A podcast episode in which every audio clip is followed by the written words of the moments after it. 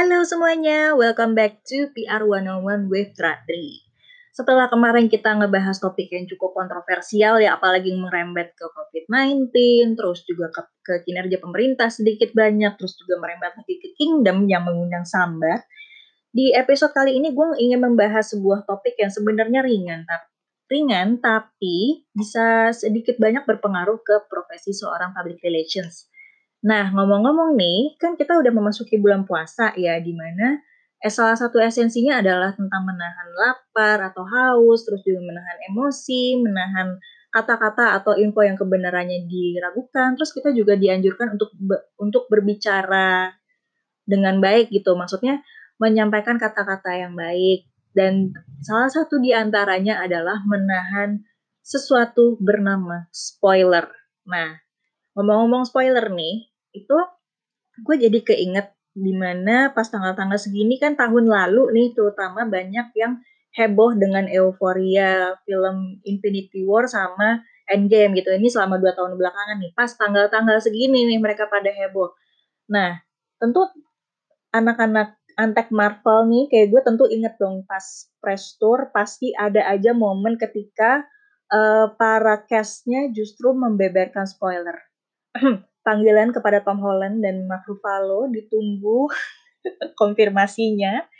Di mana pas preskon itu secara mereka entah sengaja mau bisa bisa sengaja bisa enggak mereka tuh men, membeberkan sebuah spoiler yang bikin booming gitu, bikin diberitain di mana-mana. Kan anak-anak media juga uh, tergoda banget ya untuk memberitakan sebuah spoiler yang belum tentu benar, belum tentu enggak. Makanya sebenarnya kalau kalau uh, pembeberan spoiler ini bisa jadi sebuah gimmick yang menarik sebenarnya cuma kayak mengurangi nilai berita gitu. Kuantitas ya, tapi kalau kualitas ya belum tentu sesuai gitu dengan dengan key message yang disampaikan. Gitu. Nah, selain dari jajaran castnya, kita sebagai penonton nih, apalagi antek-antek Marvel kan tentu juga pada excited ya untuk nonton uh, akhir dari saga Avengers dari dari MCU phase ketiga ya kalau nggak salah ya phase keempat masih masih tahun-tahun ke depan lah. Gimana pas hari pertama nonton itu uh, banyak banget yang mewanti-wanti supaya yang yang dapat giliran nonton di hari pertama dan jam pertama nggak ngebocorin sebuah spoiler.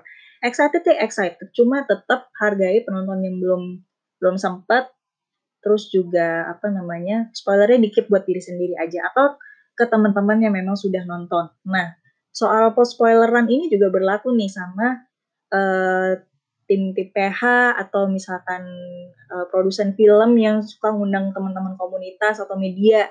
Nah biasanya tuh mereka dikasih sebuah uh, surat pernyataan yang namanya embargo di mana uh, informasi yang telah mereka dapatkan pas press conference atau screening itu mesti ditahan sampai waktu tertentu. Nah, biasanya nih di dekat-dekat tanggal launching. Nah, soal si embargo ini akan gue jelaskan lebih jauh nanti ya.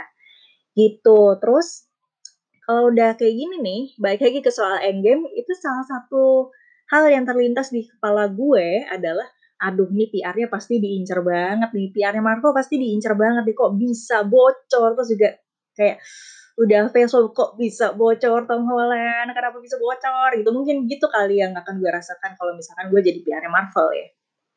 Gitu. Dan soalnya gini loh, selain mereka udah nyusun doc brief docs yang ditata sedemikian rupa supaya nggak supaya nggak um, membocorkan hal-hal yang semestinya masih bisa on hold, um, PR itu kan tetap jadi orang pertama yang dikejar-kejar sama media, sama pihak yang berkepentingan, apalagi kalau misalkan ada apa-apa. Nah, selain si spoiler yang menggoda ini nih, biasanya info-info yang diincar sama media adalah info-info yang cukup sensitif, misalkan dari segi uh, apa namanya uh, launching produk kah, atau misalkan harga, terus juga nih terutama data nih. Kalau misalkan info-info yang membeberkan serangkaian data itu biasanya kan seksi banget untuk di highlight ya di di media-media gitu. Nah, udah gitu nih, makanya PR tuh mesti hati-hati banget dalam memilah info yang mau di-share baik secara lisan maupun tulisan. Soalnya ada batasan tertentu yang kita nggak bisa lampaui. Yang batasannya batasannya itu berdasarkan kebijakan yang disesuaikan, disesuaikan sama nilai-nilai perusahaan gitu. Jadi mau kita di perusahaan kita mesti tahu betul nih value-value apa yang di di highlight, apa yang diimani, istilah diimani oleh sebuah perusahaan supaya ketika uh, ngeluarin suatu informasi tetap nyambung sama value perusahaannya. Dan kalau misalkan sampai bocor, wah itu reputasinya bisa-bisa dipertanyakan tuh. Gitu. Nah, udah gitu nih, kalau misalkan dari segi um, apa namanya seni menahan sebuah informasi itu bisa dilakukan secara, secara lisan sama tulisan seperti yang gue bilang tadi. Nah, kalau dari segi tulisan nih, um, biasanya press release, eh kalau misalkan kita mau ngadain sebuah kegiatan yang gede nih, apa big bang lah hitungannya, um, kita tuh mesti ngeluarin uh, informasi yang bertahap gitu. Misalkan di minggu pertama ngeluarin tentang A tapi secara garis besar, terus minggu depannya ngeluarin informasi yang lebih detail, terus lebih detail lagi sampai gongnya. Nah, supaya uh, selain media tuh makin penasaran sama informasi yang kita share, kalau misalkan dibeberin semua di awal dan itu jauh dari uh, grand launchingnya, itu nggak bakalan seru lagi, nggak uh, apa namanya nggak bakal seksi lagi untuk di highlight gitu. Nah makanya um, selain press dari segi press release activity juga bisa tuh diimplementasiin dengan cara yang uh, bertahap gitu. Dan makin makin mendekati hari grand launchingnya nih di timeline uh, acaranya semakin heboh semakin apa namanya berasa gregetnya. Jadi itu membangun membangun rasa keingin tahu sama membangun gregetnya gitu loh terutama buat teman-teman media dan publik yang uh, kita bikin excited melalui berita-berita itu nah selain itu ada juga nih kan gue tadi sempat nyebut yang namanya embargo. Nah, embargo ini sebenarnya adalah pernyataan tertulis yang harus harus disetujui dan ditandatangani oleh media atau undangan bahwa informasi ini tuh baru bisa dipublikasikan pada tanggal yang ditentukan. Nah, biasanya nih surat embargo itu surat embargo itu tuh udah udah dikasih materai dan mesti ditandatangani dan harus dikumpulin ke tim koordinator atau tim, PR-nya supaya bisa make sure bahwa sampai tanggal yang ditentukan nggak ada informasi yang bocor. Nah, gue kasih contoh cerita nih, waktu gue menghandle sebuah brand otomotif yang cukup gede nih, kan memang ada sebuah produk yang udah dinanti-nantikan banget ini kehadirannya dari dari awal namanya disebut mejeng dikit doang di pameran mobil udah wah ini kapan nih keluarnya gitu sampai sampai banyak yang bertanya-tanya sampai ada informasi yang bocor di sana sini gitu kan. Nah, makanya untuk meminimalisir rasa penasaran mereka, beberapa saat beberapa hari atau beberapa minggu eh biasanya sih dalam hitungan seminggu ya. Beberapa hari sebelum produk itu di launching biasanya kita tuh ngundang uh, teman-teman media yang tier satu yang yang apa namanya yang rate rate-nya tuh udah tinggi lah, reputasinya udah eh, media dengan reputasi yang bagus ke sebuah acara yang namanya Chief Editor Gathering. Itu biasanya acaranya tuh intimate di mana teman-teman media ini tuh kita kita ajak ngobrol gitu sama tim manajemen soal update paling baru gitu. Terus kalau misalkan otomotif nih bisa juga diajak test drive biar mereka tuh ngerasain langsung dan kalau nge-review tuh bisa in depth sesuai dengan pengalaman mereka sendiri. Nah, biasanya embargo ini di dikasih bersamaan dengan press release terkait Chief Editors Gathering ini nih. Dan biasanya sih kalau kayak gitu udah udah lumayan aman nih sampai sampai hari H. Bener-bener di launching gitu. Nah, uh, sama juga halnya dengan screening. Screening film atau TV series yang uh, sekiranya akan booming dan masuk box office nih biasanya uh, banyak acara-acara screening secara gratis dan biasanya itu di diadain kalau nggak pagi banget biasanya malam habis jam kerja biar uh, undangan bisa tetap datang.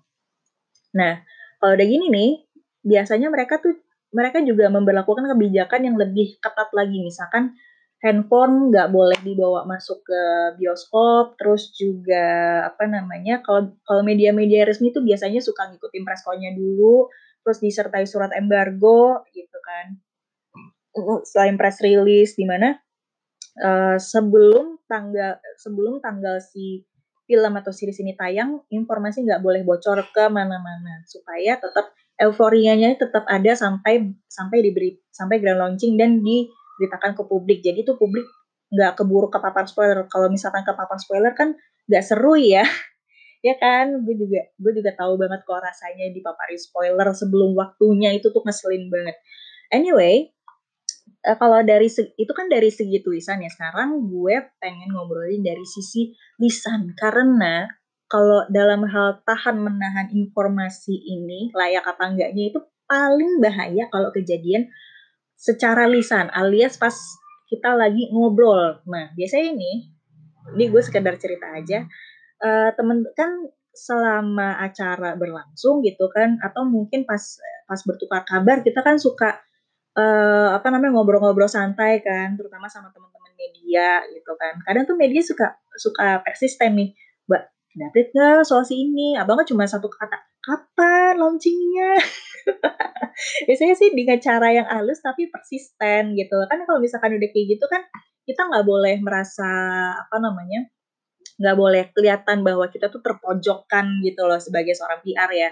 Tapi kita justru bisa mengeluarkan jurus-jurus diplomat statement diplomatis santai tapi tetap diplomatis dan tegas sehingga uh, apa namanya teman-teman media yang tahu juga bisa maklum oh ini emang belum waktunya dikasih tahu nih gitu. Dan biasanya nih sekedar tips gue gue bisa kasih beberapa statement yang bisa diterapin kalau misalkan udah di udah disundul-sundul kasarnya ya alusnya tuh kayak diusel-usel kucing kayak diusel-usel di apa namanya ditanya ini kapan nih? Apa ada apa lagi nih yang bisa dieksplor soalnya kan uh, teman-teman media tuh pengen selalu pengen tahu selalu pengen menggali lebih jauh lagi. Sehingga uh, berita yang mereka tampilin tuh ada nilainya ada sesuatu yang beda dari pemberitaan yang lain. Apalagi syukur-syukur masuk SEO kan kalau buat media-media online. Gitu. Anyway balik lagi ke statement. Uh, kalau misalkan udah ngerasa ngerasa apa namanya terpojokkan nih, terus juga didesak-desak terus, statement yang bisa dikeluarin tuh kurang lebih kayak gini.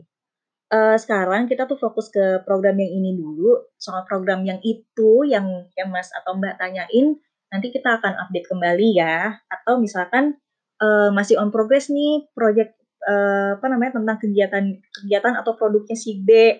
Nanti kalau misalkan udah ada update-nya, pasti akan kita update kok gitu. Itu sih versi diplomatisnya yang agak panjang ya. Tapi kalau misalkan udah akrab nih, udah deket, itu itu itu gue amati sendiri selama gue menghandle klien selama beberapa tahun terakhir.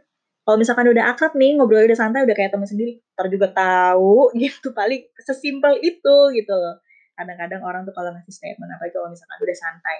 But still, uh, hal statement-statement kayak gitu tuh sering kali membantu kok uh, biar teman-teman media tuh bisa ngerti bahwa oh ini emang belum waktunya. Terus juga uh, jadi senjata kita untuk uh, lebih selektif lagi ngasih informasi yang, yang uh, paling enggak newsworthy gitu. Karena gimana pun kan semua nggak semua informasi dijembrengin dalam satu waktu yang sama.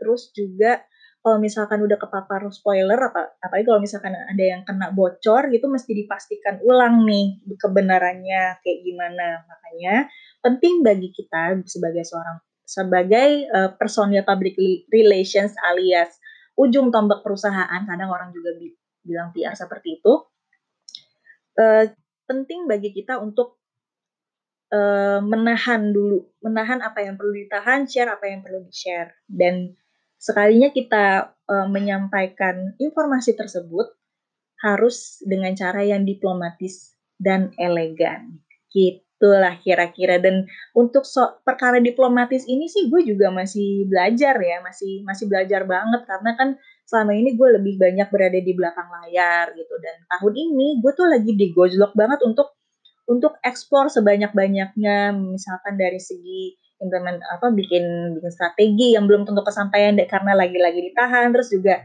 uh, gimana ngobrol sama teman-teman media tentang apa yang bisa di-share apa yang enggak. Terus juga mesti bolak-balik pasti di klien mbak ini aman nggak untuk di-share? Mbak ini masih masih udah eh udah confirm belum tanggal segini akan launching segala macam lalala gitu kan.